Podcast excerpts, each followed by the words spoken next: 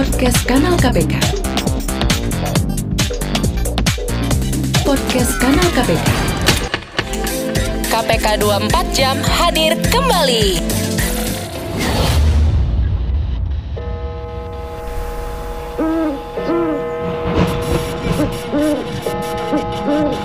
Halo kawan aksi kembali bersama kanal KPK Podcast. Kali ini bersama saya Mr. Popo. Dan, Dan ada ditemani saya, dengan- Kristel. Hai Mr. Popo. Halo Mbak Kristel. Jadi kita nyapa dulu ya kawan Iya. aksi di podcast kanal KPK ini. Biasanya sih karena pendengar podcast itu kan bisa jam berapa aja. Jadi Iya. biasanya kalau saya manggil atau ucapan tuh selamat pagi, siang, sore, malam. Oh, panjang ya Panjang jadinya ya. jadinya. Selamat pagi, siang, Iya. sore, malam ya. Jadi eh, hari ini kebetulan temanya luar biasa nih. Mungkin Kenapa? mungkin di kanal KPK tapi ngomongin ini nih. Wow. Ada apa ini? Kita Nggak, nggak ngomongin korupsi nih, enggak enggak. ada yang lebih lebih dark lagi kayaknya. Widih. Iya, jadi eh, hari ini kebetulan juga saya seorang kurator Hmm. cerita-cerita horor. Jadi kita putar backsound nih horor nih ya ceritanya. Iya. Jadi hari ini kita akan membicarakan horor di gedung KPK. Jadi selain banyak kasus-kasus horor nih ya di KPK, bukan Hmm. kasus bukan cerita horor tapi kasus-kasus yang memang horor banget. Memang horor. Dari duitnya horor ya. Dari duitnya horor. Orangnya dari- juga horor mungkin. Kemudian ada teror-teror kan. Hmm. Jadi eh, aku jadi penasaran sih sebenarnya di KPK ini juga punya pengalaman-pengalaman apa sih sebenarnya? Dan dan pengalaman ya dari aku kurasi mungkin udah lebih dari hampir berapa? ya? Hampir 300 cerita. Cerita horor yang berbasis kantor. Kantor pemerintahan, sekolah. Jadi kayak Hmm. tempat-tempat tertentu tuh pasti menyimpan kisah-kisah yang Iya kalau diceritakan kadang-kadang sampai geleng-geleng kepala. Hmm. Bahkan ada beberapa nih ya, karena karena kita rekaman lagi di studio nih ya, Iya. di studio radio atau Mm-mm. studio podcast juga. Itu hampir ada berapa cerita ya? Mungkin udah lebih dari 5 sampai 10 cerita yang menceritakan tentang uh, studio. Seremnya di studio radio. Oh. Apalagi ini kombinasi antara studio radio terus di gedung lama Di juga. gedung lau. gedung pemerintahan. Hmm. Nah, ini kita mau ngobrolin itu hari ini. Ya. Kita senang banget juga loh kedatangan Mr. Popo. Pasti ini pendengar eh, kanal podcast lagi bingung nih. Ini apa hubungannya ya Mr. Iya. Popo dengan pemberantasan korupsi atau anti korupsi gitu loh. Kok bisa-bisanya disambung-sambungin gitu loh. Jadi sebenarnya emang eh, pengen menggali sebenarnya di sisi lain dari kehidupan di KPK kan. Jadi apakah ada cerita-cerita? Nah, kali ini saya pengen dengerin sih. Mbak Kristel sebenarnya ada cerita apa sih?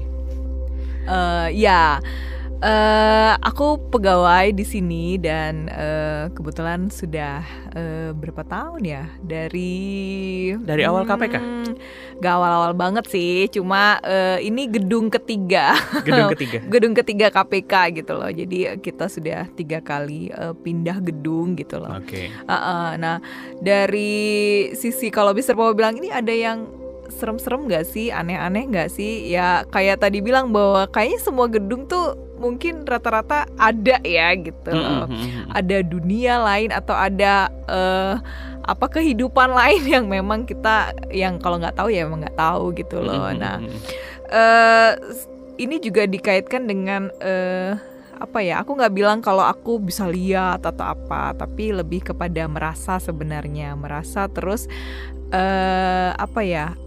Bisa sedikit berinteraksi gitu loh Waduh, misalnya waduh, ya s- hanya se- segitu saja tapi aku tidak pernah maksudnya mendalami hal itu nggak pernah cuma Mm-mm. kalau teman-teman ditanya di sini pasti eh, lihat kalau aku sering pingsan, aku sering pingsan itu oh ya? eh, eh, jadi eh, apa namanya efek dari situ eh, kalau ke aku adalah pingsan. Misalnya kalau aku nggak kuat, aku pasti pingsan gitu loh. Nah pasti teman-teman tuh Pingsan itu karena saking takutnya atau ada misalnya kan ada orang yang kehabisan energi pingsan karena mungkin melihat atau merasakan gitu. Eh, iya karena kalau yang aku rasakan adalah mereka tuh seperti mencari medium ya Mr. Popo ya Hmm. mencari medium dari eh, kita apalagi kalau kita bisa melihat gitu jadi mungkin ada pesan-pesan yang ingin disampaikan atau apa nah menurutku di saat aku memang lagi fit gitu it's fine mereka lewat atau apa gitu loh tapi Hmm. saat aku lagi nggak fit tuh biasanya udah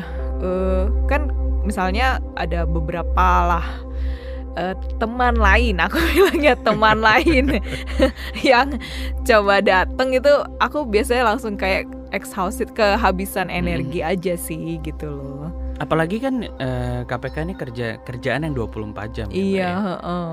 Tapi eh, saya pengen tahu nih karena nggak nggak familiar juga ya Mm-mm, dengan dengan mm-mm. flow kerja di sini. Mm-mm. Itu benar nggak sih kalau KPK itu memang kerjaannya yang maksudnya ada yang datang 24 jam, ada yang stay di kantor 24 jam dan sebagainya. Mm-mm. Kalau kerjaan iya ya, cuman maksudnya Iya. stay di kantor sampai pagi atau sampai dini hari gitu. Mm.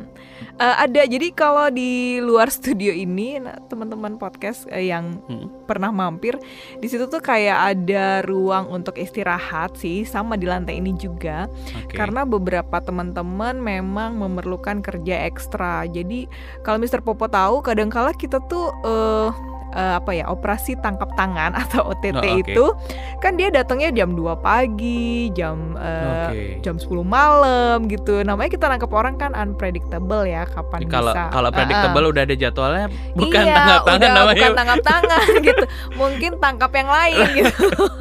penjadwalan. Iya, Udah dijadwalin. Jadi memang eh, apa hal apalagi pemeriksaan biasanya pemeriksaan misalnya saksi dan lain-lain namanya pemeriksaan itu mas sama kayak di polisi ya kadang Mhm. kala kan berhari-hari Iya. 10 pertanyaan aja sampai malam nah itu itu membutuhkan eh, memang pekerjaan eh, ekstra dan waktu ekstra jadi di sini sih ya waktu kalau apalagi kita di humas ya saya Mhm. saya kebetulan eh, aku kebetulan di humas jadi kadangkala misalnya mau ada OTT terus eh, orangnya dari luar pulau gitu baru nyampe nih jam 12 malam ya kita Mhm. stay di sini sampai jam 12 malam gitu loh Mm-mm. karena memang kan abis itu biasanya su- suka ada konvers gitu dan lain-lain nah jadi kita emang stay di sini bahkan kita tidur di sini gitu kan Wah, itu tuh. Tadi sih aku sempat sempat nyasar ya sebelum ke sini, sebelum ke gedung K3 ini aku sempat ke C1. oh iya Terus aku lihat gedung lama ini ini jam ini jam kantor ya. Aku nggak tahu apakah ada pembatasan Hmm. kerja jadi ke sana tuh sepi banget gitu ya. Hmm. Apa emang hari-harinya mungkin ya Mm. memang kerjaannya memang loadnya seperti itu gitu. Mm-mm. Dan aku pengen tahu nih eh, ketika tadi kan eh, teman-teman ada yang datang malam, Mm-mm. itu ada nggak sih cerita-cerita yang yang mungkin udah pernah Mbak Krisel dengar? Hmm. Nah, kalau yang di gedung C1, yang di gedung lama ya, kamu melihat seperti apa suasananya? Saya tuh kalau ke gedung pemerintahan selalu agak bergidik ya. Oh. Karena kan kadang-kadang kalau ngeliat eh, beberapa kali main ke kantor ada ada beberapa tipe Hmm, kantor ya kalau hmm. aku ngeliat sekarang misalnya ada yang startup tuh kan yang ceria, Hmm, yang iya, ramai, yang iya. futuristik lah segala macam. Tapi kalau setiap ke kantor pemerintahan tuh kayaknya eh, la- eh, kuno terus Suram ya kayak suram, dingin meskipun bersih bagus bersih, gitu ya. iya. Cuman aura aura aura aura aura merinding tuh ada kadang-kadang ada gitu. Nah, Mr. Bobo tuh bisa bandingin antara yang tadi kan udah ke sana terus ke sini. Langsung Ya, ini beda lebih banget ini kan. lebih modern iya, sih. langsung beda banget.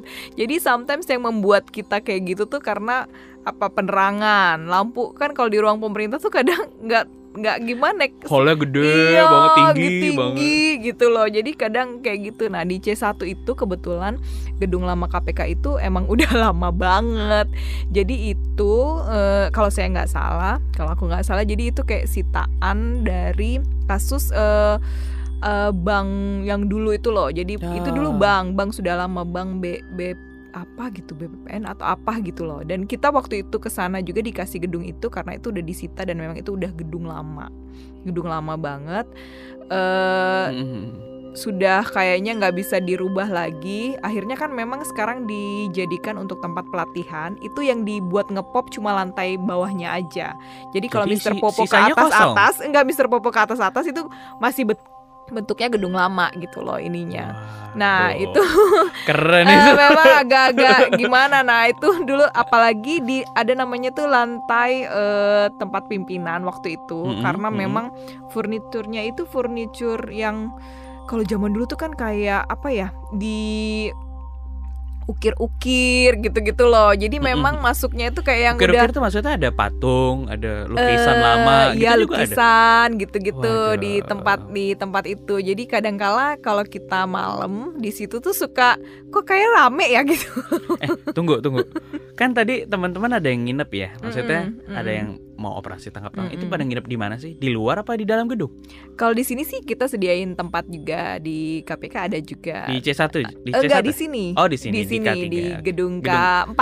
Oh, K4, Ini K4 oke, oke. namanya di gedung KPK baru ada ada tempat untuk mereka nginep. Nah, tapi kadangkala mereka lebih suka kayak tidur-tidur di eh, ruangan aja. Kayak kita juga suka malam-malam ya daripada pindah ke tempat lain. Karena kalau di itu kan kubikel lebih terbuka gitu, bisa lihat ke mana-mana gitu sih ininya. Ada cerita nggak sih Mbak? Penasaran ya aku nih. Mm-mm. Kalau cerita nih Dari dari teman-teman ya, mungkin udah ada yang bisa diceritakan ulang atau Oh, gimana? Iya iya, nanti juga kita akan dengar nih dari beberapa ada beberapa pegawai juga yang pasti Wah, cerita mantap. ya gitu loh. Karena memang eh, kita kalau ini memang bangun baru Mr. Popo, tapi Mm-mm, kalau mm-mm. yang di C1 yang sekarang jadi tempat pelatihan itu memang udah dikasih dari udah udah lama gedungnya. Jadi lebih banyak sebenarnya cerita-cerita Dari sana. uh gitu di sana Wah. dan waktu di gedung itu ada beberapa kasus tuh yang memang eh ya percaya nggak percaya ya tahun katanya udah milenial lah milenium lah apalah Waduh. abad kekinian lah Benar benar benar. masih tetap ada loh yang mistis-mistis itu mencoba mempengaruhi Hmm. penyidik, mempengaruhi eh, pimpinan-pimpinan KPK, bahkan mempengaruhi hakim waktu itu. Jadi ini Waduh. eh, apa ya? Kita agak-agak gimana ya? Mau bilang bahwa ini udah zaman keren, semua sudah serba apa namanya eh, gadget, internet luar benar, biasa. Tetap ada loh, Mr. Popo. Ya ini contoh aja ya kemarin Mm-mm. pernah dicurhatin sama temen, Mm-mm. diceritain sih sebenarnya. Dia nanya, Mister, eh, saya ini, dia bilang saya ini kerja di, dia dia sebagai eh, legal ya di Mm-mm. salah satu kantor swasta Mm-mm. lah, eh, multinational company. Dan itu kan sangat sangat apa ya, sangat modern lah gitu. Ketika waktu itu dia ngerjain kasus di di daerah ya Jawa pelosok ya gitu. Ada kasus di distributornya gitu. Dan ketika ini kasusnya merentet sampai ke pengadilan. Hmm. Akhirnya memang yang tersangka ini kalah gitu ya. Mm, mm, mm, mm. Tapi waktu pengadilan itu dia sempat teriak-teriak mengancam kalau lihat aja nih tim Hmm. legal dari kantormu akan begini begini begini. Mm, mm. Itu kan dia bingung. Ini ancaman yang gimana ya? Maksudnya dia dia nggak paham gitu ya. Sampai akhirnya eh, ketika kembali ke Jakarta kantornya nih kalau kalau lihat kantornya ya aku udah pernah main kantor ya dan kantornya Mm. ini modern banget Eh, tiba-tiba dia, dia telepon siang itu di depan depan pintu kantornya lagi Mm. jadi lagi meeting sih sebenarnya Mm, mm. Iya ada tim legal lagi meeting tiba-tiba di pintu keluarnya ini di dalam di dalam gedung loh Mm, mm. bukan bukan nanti yang ditemukan ini bukan di luar gedung tapi Ya. di dalam ruangan eh di Heeh. luar ruangan Mm, mm. begitu buka pintu di depan itu ada daun pisang Ha-ha. yang begitu mereka dia kan kagetnya apa nih kok baunya menyengat banget begitu Eh. dibuka ada bangkai sesuatu dan Eh. berdarah-darah gitu Mm, mm, wah langsung sontak mereka mereka ini semua Eh. takut kan ya ini apa siapa yang masukin Mm, mm, terus kok mm. bisa di sini Kok dan bisa di dalam gitu Kok loh, bisa gitu bukan dan- di luar. dan dia dia langsung nelpon saya saya Mm, bilang mm. udahlah berdoa aja minta perlindungan jangan macem-macem minta tolong dibersihin Mm, mm. kalau bisa ya di kalau dalam Islam ada entah dibacain zikir atau Mm-mm. rukyah singkat terus dibakar kalau bisa gitu Mm, kan mm, mm. ya udah akhirnya satu tim itu ketakutan sampai akhirnya mereka ya udah eh, terus eh, berzikir aja lah mereka pokoknya lindungin sama hal-hal yang kayak gitu-gitu nah itu kan sekarang ya maksudnya di Iya. konteksnya sekarang Kayak gitu. apalagi aku mikir ini kasusnya di kantor swasta Mm, mm. apalagi kan KPK gitu Iya. Jadi Aduh. aku aku mau cerita nih, Mr. Popo. Eh, Jadi kan eh, kita itu itu eh, pasti yang menangkap atau orang yang korupsi itu rata-rata pejabat-pejabat lah ya, high level lah gitu Iya, loh di negara oke. ini. Jadi ada satu kasus itu, ini cukup menarik ya karena memang energi kita habis tidak hanya untuk memproses secara hukum, tapi Mm-mm. juga ada hal yang lain itu tadi gitu loh. Mm-mm, mm-mm. Karena ada si mistis ini yang somehow kita bingung ini gimana sih cara cara mengatasinya gitu loh. Kecuali kan yang kayak Mr. Popo bilang ya nggak ada acara nggak ada cara lain selain emang berserah sama Tuhan gitu dan iya, lain-lain iya. kan meningkatkan ibadah. Oh ya karena itu kita jadi salah satu nilai kita sih emang itu religiusitas karena melawan orang-orang itu kan kita tidak tahu ya kekuatan apa Iya. yang mereka Iya. akan berikan gitu loh Betul. apalagi korupsi kejahatan kerah putih katanya dia punya banyak uang pasti orang-orang ini gitu loh makanya eh, kalau di setiap lantai Mr. Popo lihat di pasti ada tempat untuk sholat tempat untuk Hmm. berdoa gitu loh Di- Mm-mm. itu yang memang eh, ditanamkan jadi budaya di sini nah eh, balik lagi ke cerita tadi jadi ada yang ditangkap nih eh ya orang cukup terkenal lah mungkin di di Indonesia ini eh yang kontra terhadap kami itu mereka melakukan demo terus menerus begitu ditetapkan sebagai tersangka lah si Oke. X ini ya. Heeh, jadi demonya itu membawa bangkai ayam lah gitu-gitu tuh demonya heeh. terus mereka berpakaian hitam-hitam gitu loh. Nggak kayak demo biasanya nih gitu loh pakaian hitam-hitam terus bawa bangkai-bangkai sama sampai sekarang tuh kita nggak tahu mereka seperti menanamkan jadi mereka nanam nanamin di depan tuh kan ada eh, ini di gedung lama ya itu kan masih ada Ah, ah. sedikit tanah gitu mereka ditanam tanamin nama mereka kayak batu-batu apa gitu abis itu security emang pada nyangkul nyangkulin lagi Waduh. Waduh. iya ini tanam apa sih gitu lah ditanam tanamin sama mereka gitu nah begitu masuk ke pengadilan ini lebih hebat lagi nih pastikan kekuatan mereka gitu loh gimana Hmm. caranya ya mempengaruhi hakim mencoba mempengaruhi hakim mencoba mempengaruhi jaksa itu di jadi kan pengadilan tindak pidana korupsi itu terbuka untuk umum Mr. Popo siapa pun Iya. boleh masuk siapa pun boleh nonton Mm-mm. media apalagi kan Mm-mm. Nah, termasuk si pendukung eh, yang terkena ini gitu loh. Iya, Jadi iya, iya. mereka memakai eh, nggak tahu lah dupa atau apa pun sampai disuruh oleh hakim keluar karena cukup mengganggu sidang ya pada saat itu. Oke. Lalu mereka membagi-bagikan makanan yang kata teman-teman wartawan kita pada nggak mau makan takut Iya. gitu makannya. takut ada isi. Takut iya Dan selama sidang itu Di luar pun ada lagi yang baca doa-doa lagi Dengan pakaian hitam-hitam Ya. Nah gitu-gitu loh Mr. Popo Padahal kan Ya nggak tahu lah ya Mungkin kalau anak muda sekarang Apa sih gitu loh Iya, kadang emang maksudnya kita juga bilang apa sih? Cuman ada aja kan Ada kejadian gitu, loh. Walaupun nggak tahu berhasil atau tidak Mereka Iya, kan iya, Ya iya. ini loh ini Ya gitu deh Tapi mungkin ada Yang mau kita denger dulu nih Dari teman-teman Oh, udah ada, yang udah ada- lainnya udah ada teman-teman Iya, KPK yang mau cerita Iya ya? yang mau cerita Karena eh, kayaknya punya banyak pengalaman juga dengan Wah, si boleh, boleh. temen di lain tempat itu. Ayo kita dengerin. Jadi waktu itu ruang siarannya kanal ini baru eh, dipakai. Saya yang pertama kali make waktu itu. Eh, Gedung Merah Putih sudah dipakai dari 2017. Setahun kemudian kanal baru ngisi lantai yang tempat studio kanal ini ada. Nah, tiga hari saya siaran, itu per- perdana ya dipakai orang ruangan siaran itu. eh saya sempat ngerasa tuh ada perasaan gak enak. Studio rekaman, studio siaran itu berdampingan. Pintunya berbeda, tapi pembatas antara dua ruangan ini adalah satu dinding kaca. Di mana orang yang di ruangan siaran bisa melihat orang yang di ruangan rekaman. Jadi ada dinding kaca gitu. Sekitar 30 menit baru siaran, lampu studio siaran mati. Lalu saya tiba-tiba dalam hati ngomong gini, jangan ganggu ya, jangan ganggu ya. Kita di sini nggak ganggu kok. Jadi kita sama-sama saling jaga aja, nggak jangan jangan saling ganggu. Jadi tuh lampu udah bolak-balik mati bergantian. Yang pertama di ruang siaran nyala, lalu mati di ruang rekaman, nyala, mati di ruang siaran, nyala, mati di ruang rekaman. Nah, di saat saya melihat studio rekaman itu mati, saya langsung tiba-tiba tuh ngumpat. Ini bercanda apa ya? Loh, Orang udah bilang jangan diganggu nih. Ngapain sih main ganggu-ganggu? Sialan. Berat. Lampu ruang siaran saya mati. Saya langsung kabur ngacir keluar buka pintu. Saya keluar tuh muka saya udah pecat pasi. Teman-teman di luar tuh langsung nanya, "Kenapa?" di sini nggak mati lampu enggak di dalam lampunya udah jadi disco dong bolak balik mati sampai akhirnya mati total dua-duanya dan orang tuh nggak ada yang percaya karena lampu itu lampu baru studio itu studio baru ya nggak tau lah tapi sejak itu memang sedapat mungkin saya akan menghindar dari studio untuk berada di dalamnya sendirian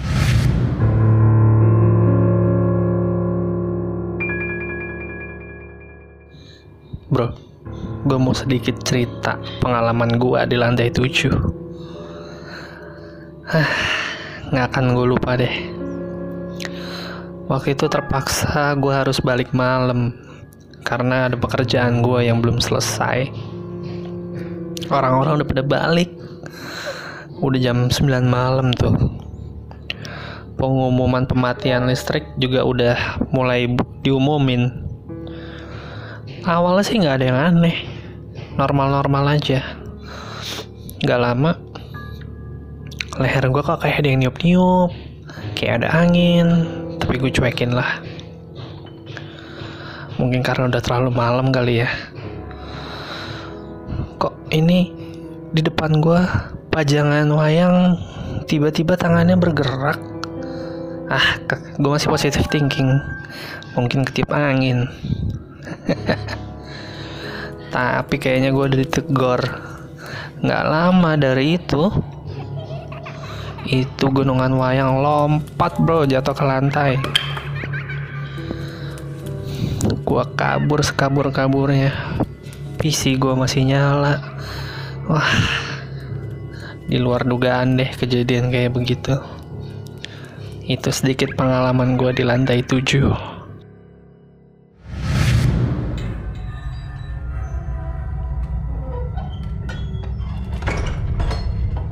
Pada suatu malam hari, kita berdua observasi lantai seluruh lantai dari atas rooftop dan semua lantai.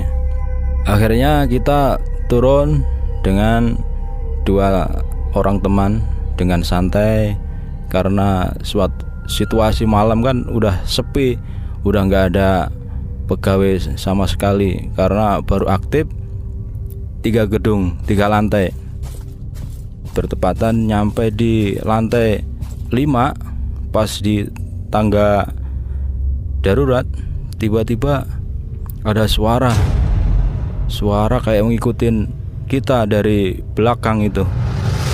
Tapi kok sebetulnya kan udah sepi udah nggak ada orang udah nggak ada pegawai. Udah jam malam ini setengah 10 malam. Kita berhenti sejenak kita dengerin. Untuk separa sepatu itu juga berhenti. Hati deg-degan. Itu dari belakang kita jalan makin cepat. Untuk suara sepatu itu juga makin cepat. Tapi suaranya aneh. Kayak suara sepatu cewek. Kan kalau beda kan suara sepatu cowok sama cewek. Cetok cetok cetok cetok. Kayak ada lantunan itu loh. Coba lihat mas suaranya kayak ke belakang kita. Yang kita nengok bertepatan itu ada sepatu tapi sepatu cewek itu. Wah kita makin deg-degan ini jantung. Sama teman kita berdua. Akhirnya kita makin ini turun. Itu makin jelas untuk kaki itu. Sepatu sama kaki tapi namun tanpa badan. Wah wah ini kayaknya ini mas. Nggak bener ini mas. Waduh waduh mas. Ayo kita buru-buru mas yuk kita turun. Akhirnya kita lari gitu. Pelan-pelan ambil ini. Sebetulnya juga terang sih untuk lampunya tapi karena kita makin cepat turun makin kencang juga suara sepatu itu mengejar kita. Akhirnya kita turun nyampe lantai dasar dengan napas ngos-ngosan. Akhirnya kita berbagi cerita di lobi lantai dasar. Cerita sama teman-teman wah yang bener mas. Iya mas. Itu benar kelihatan kaki sama sepatu doang tanpa badan. Akhirnya teman-teman juga pada takut. Ya begitulah cerita kami pada saat observasi lantai dari rooftop lewat tangga darurat.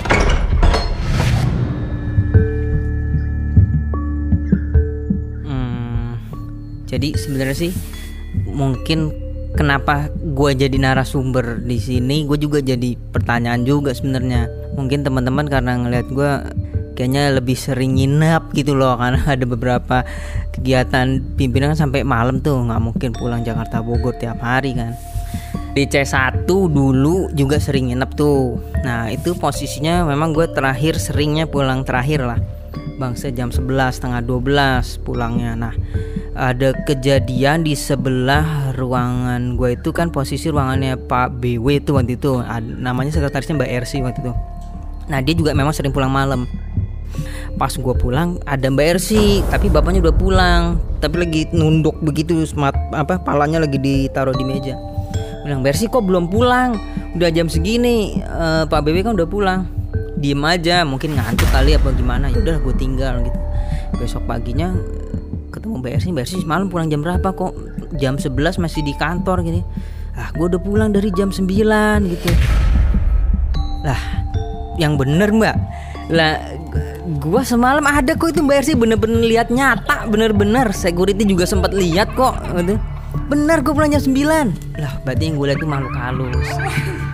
Itu mungkin berarti makhluk halus. Dan itu gue sih nggak takut. Sebenarnya biasa aja. Karena gue berprinsip setan di Indonesia itu atau hantu di Indonesia itu itu tidak membunuh dia cuma hanya menampakkan saja kalau membunuh pasti gue lari terbirit-birit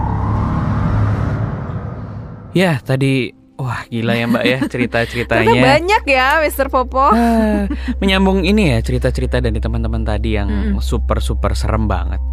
Sebenarnya kalau Mbak Kristal lihat itu sebagai melemahkan kerjaan KPK nggak sih sebenarnya? Maksudnya emang ada ada upaya tertentu gitu yang tadi kita lihat kan ada yang nanam-nanam sesuatu, eh, bakar-bakar dupa bahkan Iya. sampai ada eh, ada kegiatan-kegiatan ritual yang yang yang tadi ya ada yang baca-baca something Mm-mm. gitu ya. Mm-mm. Itu sebenarnya gimana sih Mbak? Apakah itu memang mau melemahkan upaya untuk pemberantasan korupsi itu sendiri gitu misalnya mempengaruhi penyidiknya bahkan mungkin ya itu tadi mungkin seperti apa Mbak tanggapannya?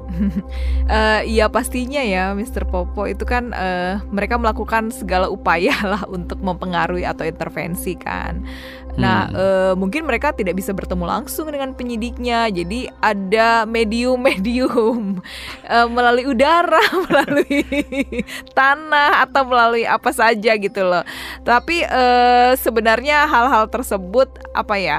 Eh sudah karena beberapa kali sering eh, dilakukan terhadap eh, di sini teman-teman penyidik sih kayaknya fine fine aja ya maksudnya. Nah yang Ya, ya mungkin terlepas dari memang eh, apa namanya? Ya tadi ceritanya eh, mungkin ada yang seperti itu, ada yang memang emang gedungnya gedung tua. mm-mm, Tapi teman-teman saya yakin kan teman-teman KPK juga semua berpegang sama ya Tuhan ya. Jadi iya nggak jadi satu momok yang eh, wah nih jadi melemahkan gitu loh. Mm-mm, mm-mm.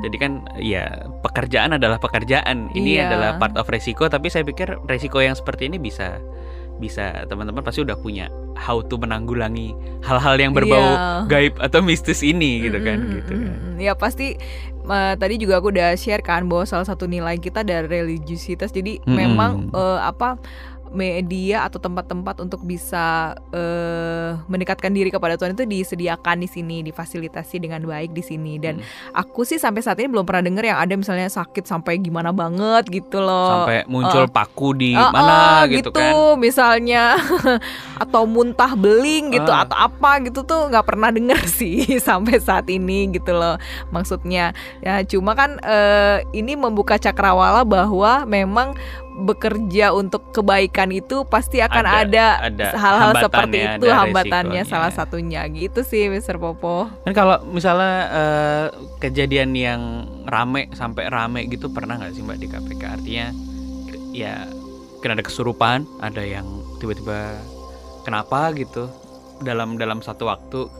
Kan banyak juga tuh kisah-kisah di luar yang Hmm, ini kesurupan massal nih misalnya tiba-tiba ada satu kegiatan yang yang aneh gitu. Pernah nggak sih? Atau memang ya emang nggak ada gitu? Kalau banyak sih enggak ya, cuma kalau orang per orang mungkin ya gitu Oh, loh gitu. bentuknya. Eh, jadi kayak misalnya dia eh, merasa eh, kayak tadi tuh, aduh kayak udah bergening merinding merinding terus kesurupan gitu. Tapi paling satu orang aja, nggak yang rame-rame sih Hmm. enggak gitu loh. Tapi kan itu kan balik lagi ke personalitinya dia, Iya, apakah dia bisa dianya. merasakan atau tidak gitu lah. Gitu Mm-mm. sih Mr. Bobo. Kalau yang rame-rame sih eh, nggak ada sih gitu loh. Ya, waduh, kawan kawan aksi pasti ini tadi udah dengerin cerita itu ya jadi tahu kan apa namanya bahwa kegiatan pemberantasan korupsi itu juga berat. Mm-mm-mm. Terus juga ada tantangan-tantangan yang berbau mistik mistis gitu ya. Mm-mm. Cuman ya saya pikir eh, teman-teman KPK pasti juga akan tetap semangat dan ya cenderung untuk tidak memikirkan hal-hal yang ya tidak bisa terukur ini kan. Iya bener Iya Mr. Popo ini Tadi kan ada teman yang cerita soal di lantai 7 ya. Ini yang cukup Apa ya Sampai sekarang ini kita suka nggak habis pikir nih Tentang si wayang yang berpindah-pindah sendiri Iya. itu.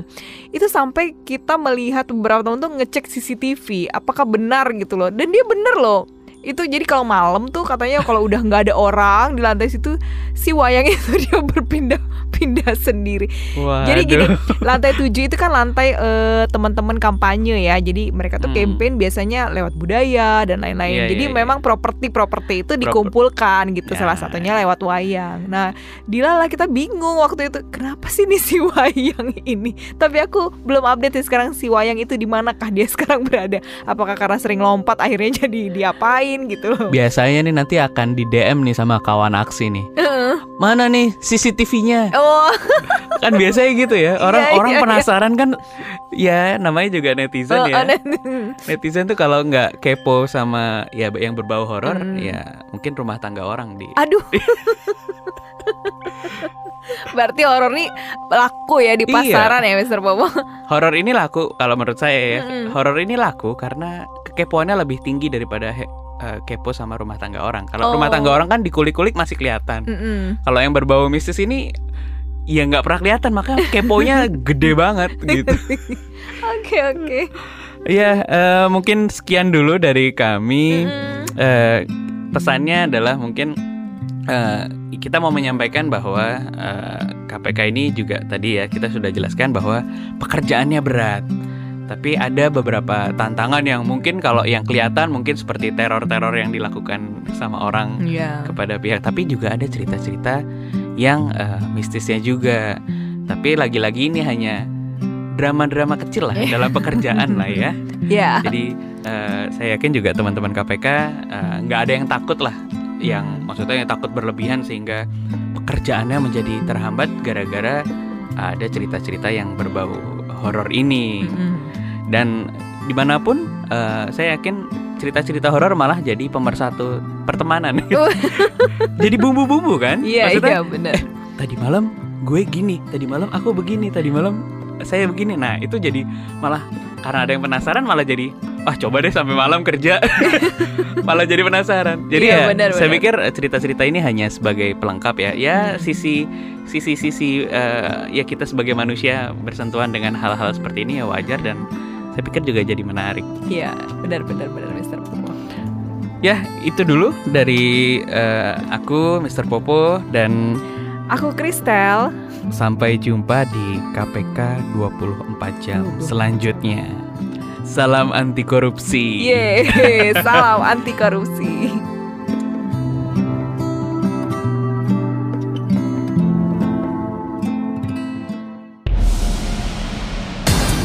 Podcast Kanal KPK.